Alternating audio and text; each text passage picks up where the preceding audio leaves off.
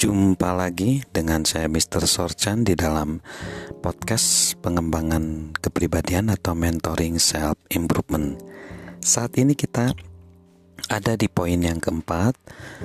Orang menyangka kegagalan itu adalah musuh, padahal bukan. Kebanyakan orang berusaha menghindari kegagalan, seperti mereka menghindari wabah penyakit. Mereka takut gagal. Sesungguhnya, dibutuhkan kegagalan untuk menciptakan kesuksesan. Pelatih NBA Rick Pitino bahkan menyatakan lebih tegas lagi. Kegagalan itu baik, katanya. Kegagalan adalah pupuk.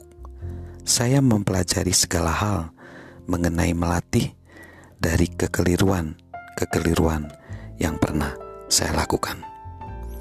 Orang yang memandang kegagalan sebagai musuh tertahan oleh mereka yang menaklukkan kegagalan. Herbert V. Brocknow mempercayai bahwa orang yang tidak pernah membuat kekeliruan diperintah oleh orang yang pernah membuat kekeliruan.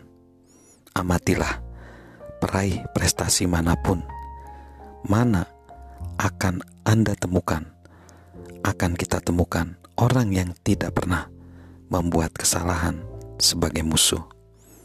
Hal ini benar dalam setiap jenis usaha. Ahli musik Elois Ristart menekankan bahwa jika kita memperbolehkan diri kita gagal, di saat yang sama kita memperbolehkan diri kita sukses. Yang kelima, orang menyangka kegagalan itu tidak mungkin dibalikkan, padahal mungkin.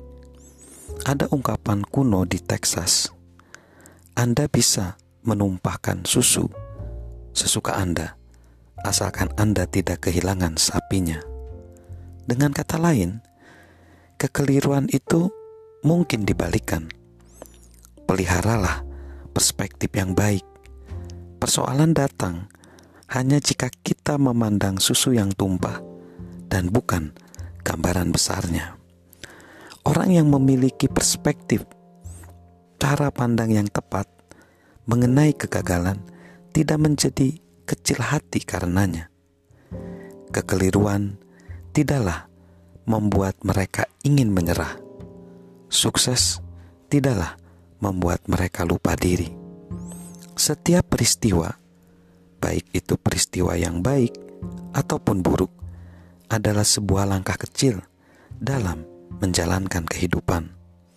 Atau seperti yang dinyatakan oleh Tom Peters, jika hal-hal konyol tidak dilakukan, hal-hal yang jenius pun tidak akan pernah terjadi. Yang keenam, orang menyangka kegagalan itu suatu tanda yang memalukan, padahal bukan. Kegagalan bukanlah tanda yang permanen coba perhatikan perspektif dari Senator Sam Ervin Jr. Kekalahan sama baiknya dengan kemenangan dalam menggoncangkan jiwa sehingga muncul sesuatu yang membanggakan. Begitulah seharusnya cara pandang kita terhadap kegagalan. Jika kita membuat kekeliruan, janganlah berkecil hati. Jangan berkecil hati karenanya dan janganlah menganggap sebagai tanda yang memalukan.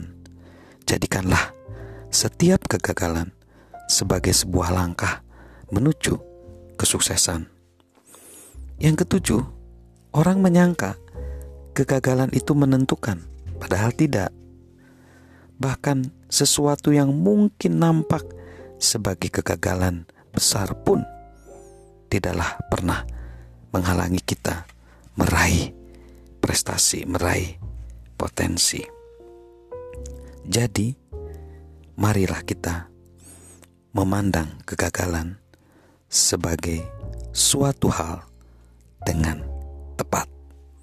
Salam mentoring, salam sukses luar biasa dari saya, Mr. Sorjan.